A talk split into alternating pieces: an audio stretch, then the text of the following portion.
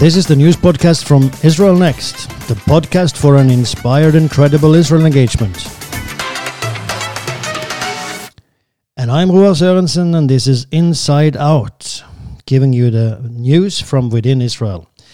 And this is version number 8 of Inside Out. The date is October 16, 2020. So uh, we have a lot of things to, to talk about as usual, and especially since we didn't have an inside out last week, so it's two weeks since the last one. So we'll go straight to case number one, item number one, and that's uh, again the corona situation in Israel. It's it's hard to get away from that as long as Israel is in its second national closure. Uh, this is the fourth week of that closure. And uh, on Sunday, there will be some uh, easing of the restrictions, but it has been going on for the last four weeks with a strict closure. Israel being the first nation in the world, as far as I know, to do this. Uh, and the numbers are uh, they are encouraging. The numbers are going down very rapidly, uh, but still still high. So they need to continue in some way still. Uh, they used to be on 14,000 uh, new incidents uh, every day at the most. Now they are down to 1,500. So, of course, that is a huge uh, accomplishment. Uh, they need to come much lower than that. The goal is 200, 250. And, of course, in the end, to get rid of it all. But uh, that's the, the intermediate goal. meanwhile, they are easing some of the restrictions so on Sunday, it will be allowed to leave your home for more than just a thousand meters.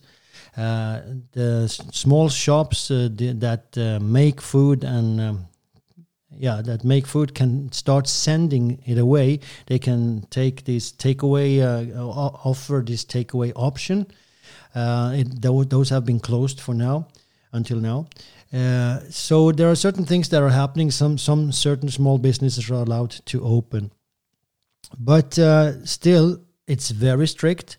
And uh, yeah also the, the kindergartens will open. But it's still very strict. And they are speaking about the, the big discussion in israel today among the politicians is what is our exit strategy? How should we do this? We we have formulated an exit strategy but is that the one that uh, that uh, politicians will approve. There is, of course, one man that is responsible. Well, it, ultimately, it's uh, Benjamin Netanyahu that has uh, responsibility, but there is a person put in charge of this dealing with this uh, pandemic in Israel, and um, he has put forward this plan.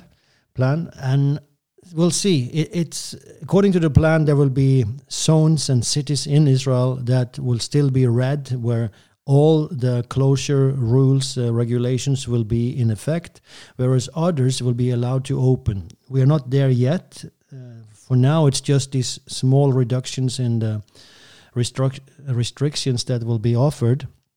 But soon they will come to this where certain zones will open up more than others. And that's not very popular, especially since the spread of the virus is the strongest, the, the, there is most infected people in uh, ultra orthodox neighborhoods and cities. So those are the ones that will be opened last. So this is not popular, and so we have again this infighting among the politicians. As we have been talking about for many times, there is a national unity government in Israel, but there's no unity. They are still fighting. They are still uh, trying. The different ministers trying to get uh, ease of restrictions for their sectors. So um, now they opened um, the Natbag, the, the Ben Gurion airport, uh, because the, the minister responsible for this was really pushing for it. And even the El Al and these other companies were threatening to, to sue the state for the loss of their income. So uh, it was opened and and then there are other sectors uh, that are pushing to open their part. So again, the ultra orthodox ministries uh, ministers have a huge pressure from the community to open up for uh, proper prayer, like in bigger groups, uh, the yeshivot, the, the schools, and so on. Uh, so the the there is no unity in how the government is behaving. That, of course, is not ideal because the public sees this and they start to if if they can open, why can't we open and so on. We have been through this and speaking about this before.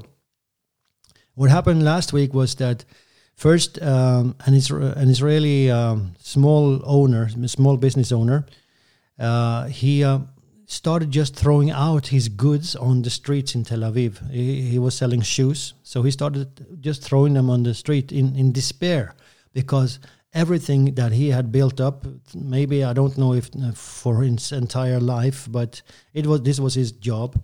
Everything that he had built up was just now being wasted because he, he didn't have any income.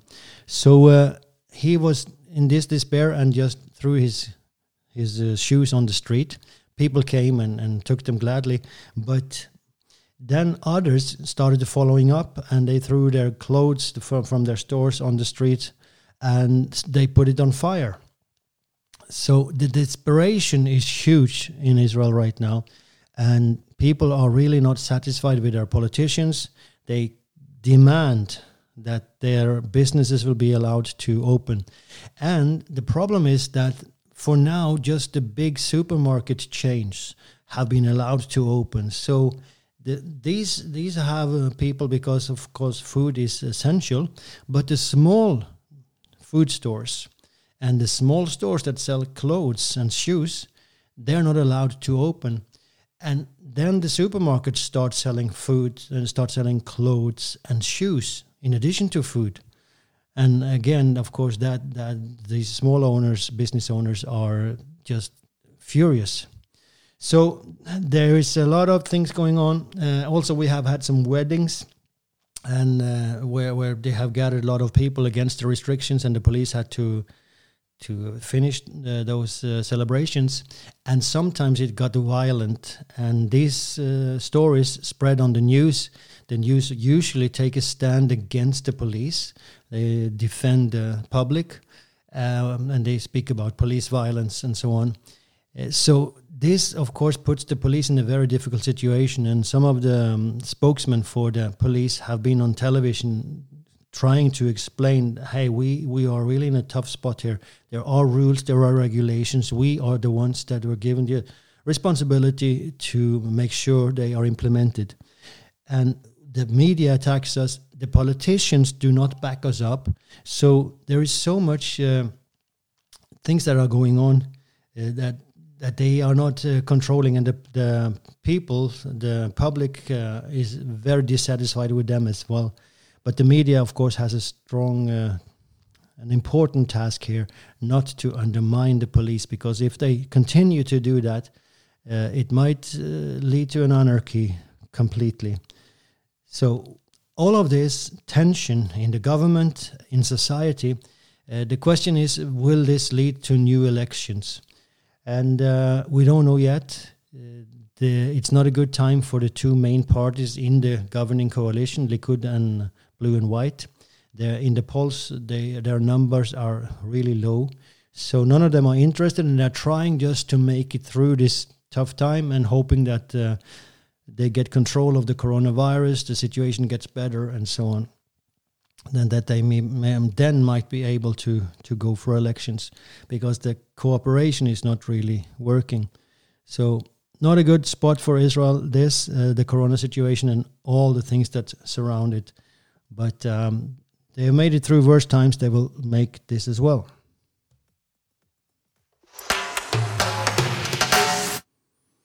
Yeah, next uh, things uh, thing I'm going to discuss in brief is um, the Attorney General. Uh, Israel has an Attorney General that uh, his responsibility was, among other things, um, to uh, decide if Benjamin Netanyahu, in this case uh, the Prime Minister, should be be charged and brought brought to court. After considering all the evidence, the police investigations, and everything that was brought to him, he was the man that had to decide is this enough to bring charges against the prime minister? And he decided yes, it is enough in three cases. Now, the, something has happened that, um, at least from the point of view of Likud and Netanyahu, uh, places this decision in jeopardy, or they they means uh, in the Likud that he has to withdraw this decision. The thing is like this that um, the the Attorney General, his name is Mandelblit. Uh, he uh, was recorded on a, on a, phone conversation with uh, the head of the Bar Association in Israel. Uh, and this uh, conversation on the telephone was leaked to the press, and uh, it's hard to, to get away from the idea that the one who leaked it was the guy who talked he talked to the head of the bar association but that's not the point right now right now. In that conversation uh, Mandelblit the general attorney complains over the state attorney which is really subject to him but the state attorney is the one who had responsibility over a case that was brought against Mandelblit himself it's a little bit complicated, but uh, there was a case against uh, the, the general attorney, and the state attorney had to decide whether to close it or not. Because in the end, it turned out that this case cannot be brought to court. I won't go into what it's all about uh, because that's not the point. The point is that uh, they, they couldn't bring it to court and it was closed due to lack of evidence. Now, Mandelblit, the general attorney, was not happy with that decision because, among other things, it prevents him from running for office in the Supreme Court later on. But uh, so he wasn't happy with it, and he spoke to the, his friend, uh, the head of the bar association, and complained about the state attorney. Why doesn't he close this? Uh, like because of lack of evidence? Uh, no, no, because of um, innocence. That's what he wanted to to be. He he wanted to be free completely he is innocent. And the state attorney refused to give that decision, and he just kept this in limbo.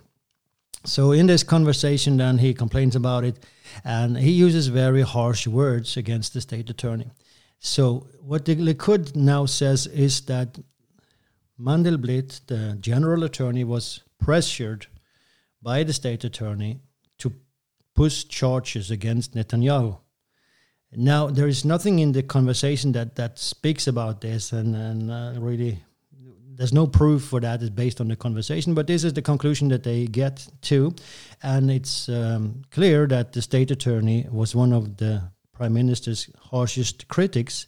So, so it wouldn't be like unlikely that he would want to see such a decision that charges would be pressed against Netanyahu. But anyway, now Likud is demanding this.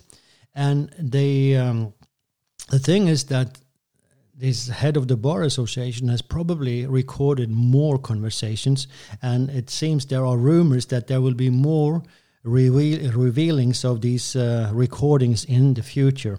So uh, one of the Likud uh, ministers is even threatening that if Mandelblit does not uh, step down and also uh, pulls all the charges against Netanyahu, there will be an earthquake. Now, of course, this is this is terrible coming from a minister and uh, or from a politician. So uh, anyway, that's the stormy weather that is going on right now, having to do with the attorney general, general, and even then affecting might affect the cases against Netanyahu.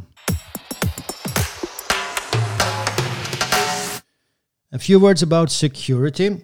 First of all, uh, Israel uh, has approved the deal with the United Arab Emirates. The Israeli parliament has now approved it. That was expected, uh, but uh, now it's formally approved, so it's good.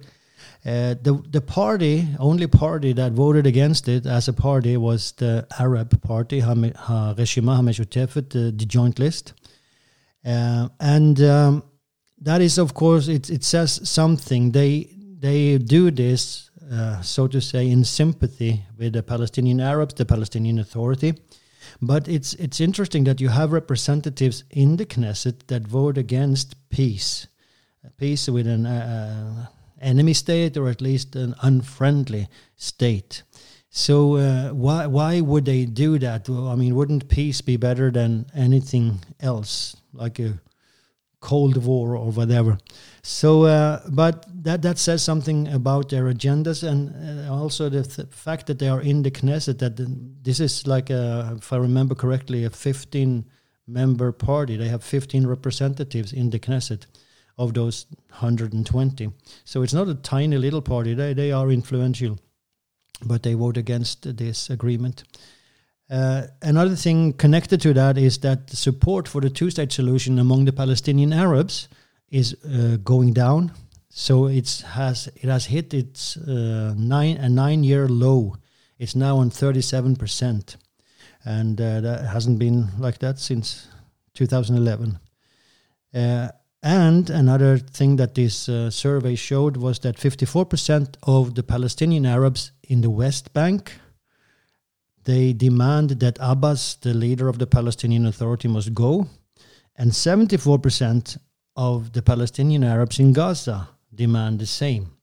So Mahmoud Abbas, the leader of the Palestinian Authority, is really not popular among his own people right now. 54% in Judea and Samaria, 74% in Gaza of, among the Palestinian Arabs demand his, uh, his um, that he departs, steps down. Uh, we are on security, and um, another thing that uh, these are things that Israel is dealing with on a daily basis, and I'm mentioning some of these because they are not very often mentioned in the media back home in Europe. So that's why I'll just deal with them, even though if they have no immediate, some of them have no immediate relevance. Like this one, Turkey. Turkey is flexing, flexing it, its muscles, uh, and um, in the entire region. Now that is happening towards Greece and uh, the control of the waters uh, in the East Mediterranean. Uh, it's happening also in Syria and towards the Kurds, and it's happening, of course, also towards Israel even in Lebanon, there are uh, they have their interests going on, but uh, and of course then they are in this struggle with Egypt and Saudi Arabia about the hegemony in the Muslim world. So all of this is happening under Erdogan, the president of Turkey, who has really like turned more and more on the path of uh, Islamism and more and more away from Europe and from the West. Uh, Turkey is still a member of the of the NATO, so uh, we'll see really where this will lead in the end. But it is, is a threat for Israel because Turkey also supports the Muslim Brotherhood, which Hamas is kind of a part of. So, uh, and uh, Turkey has uh, Erdogan has several times expressed his strong critique criticism of Israel. So it's worth to just uh, pay an eye to this, put put an eye on it, and for Israel, of course, they need to follow this very closely. Uh, second, Israel is, uh, has destroyed two Syrian military outposts on the Golan Heights. These two outposts were established, built in the demilitarized zone that exists between the two countries following the war in 1973, the Yom Kippur War. So uh, this zone was established, a demilitarized zone between the countries, and the UN is controlling this zone. But then Syria has established two uh, outposts, military outposts, and Israel went in there um, without being noticed, and they blew up those uh, outposts. And that, of course, is completely uh, in line with the agreement so those who uh, broke the agreement was Syria, who built something in the demilitarized zone. There's not supposed to be any military activity there. So this happened last week. There hasn't been uh, like a proper reaction from Syria, and probably will not be. Also, two Israeli soldiers were injured in Nablus, uh, and uh, that was during a military operation there. The, an explosive device was thrown at them, and they got injured. In addition to this, there are those uh, more or less daily attacks on Israeli uh, settlers, Jews living in the Jewish communities in Judea and Samaria, when they are on the roads mostly. So uh, these things are going on, even though you don't hear about them. And they, this is the reality that Israel has to relate to. And because that is not spoken about back home, it's so hard to understand the actions of Israel sometimes in the West the West has a hard time understanding them because they don't hear about these things. Uh, last thing I mentioned previously that Israel and Lebanon are negotiating over a maritime border, and uh, that's a good thing, very good thing. And uh, these negotiations started last week, so now they are ongoing. Um, there are some really some some hindrances on the way, and we shouldn't maybe expect too much out of this. But Netanyahu spoke in lofty terms about them and uh, hoped that they would lead to a peace agreement in the end. The way to that is extremely long because there is something called Hezbollah that is controlling Lebanon and is not interested in peace with Israel at all. But anyway, it's a positive development that these negotiations are going on. Lebanon needs it because they need uh, the gas that they can uh, develop from those areas. And uh, that's very needed. The income from that is very needed in Lebanon right now. A few uh, brief new news uh, items. Uh, the United Nations Human Rights Council has elected Russia, China, Cuba, and Pakistan to their council, 15 member council. So, this 15 member council are, the ones who make the recommendations and decisions on uh, which nation around the world should be uh, condemned for violating human rights. Now, the problem is that those nations themselves are regularly violators. They, they, they do this on a daily basis on, of human rights. Uh, so, uh, especially uh, China, Pakistan, Cuba. So Melanie Phillips, she wrote like this about them, just summarizing. China jails opponents of the regime and has sent hundreds of thousands of Uyghurs into state re education camps. Russia poisons its dissidents. Pakistan represses Christians, Hindus, and Ahmadis, and Cuba is a police state. So it was a very brief summary of, of what these, nation, these nations represent. And uh, it's really a sad situation when, when these are the nations that decide that Israel is the one to condemn, because that's what the United Nations Human Rights Council usually do. Around 40% of the, all their resolutions are directed against Israel. So um, the ambassador, Israel ambassador to the UN, he said like this uh, when he reacted to this news. This council has nothing to do with protecting human rights and everything to do with violating them. So that's one piece of news. Another one is 1,100 housing units have now been approved in Gush Etzion. Gush Etzion is located in Judean Samaria, in Judea, just outside uh, Jerusalem south. And uh, this is the first approval of housing units in Judean Samaria settlements uh, since the deal with the Emirates. So that's a positive thing. Uh, the housing, the building continues, uh, and the deal won't uh, prevent that. Uh, the negative thing is that there are too few houses being built. There is a need for much, much more housing units in this area. And uh, the Netanyahu government has not been very liberal on giving these permits. So that could really improve. Uh, third thing I want to mention is that an Israeli drone company called Gadfin has now received approval to fly uh, drones in the Israeli airspace for civilian purposes. Now, their first uh, goal or their first yeah, program is to use these drones to transport uh, medical supplies medical um, stuff between hospitals in Israel. And th- that could be, uh, there are instances when things need be, to be transported from one hospital to another very fast. And uh, if you take it uh, in an ambulance on the road, it could get, get stuck in the traffic jam. So these drones, of course, can go much faster.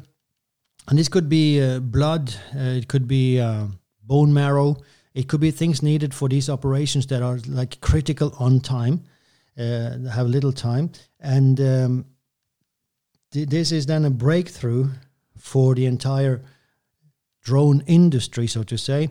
And Gadfin, this company, is also fighting with other companies around the world for these kind of rights in, uh, and, and also for, for selling these drones to people around the world and nations around the world that are interested in it. Gadfin also sees the, um, the, third world as a huge potential because of the lack of infrastructure in those countries. These drones can be of huge help and can save a lot of lives. Uh, that is the, the first step. Use those drones to save life. And then later on, it might even be used for more mundane purposes uh, among the civilians, civilian population. But that is kind of a big step. For now, the they Gadfin has made two types of drones. One of them can carry 15 kilos, uh, and it can fly for 250 kilometers. They have a bigger one that can take 100 kilos and fly 500 kilometers. So this is the future, and uh, an Israeli company is uh, in the front line of this.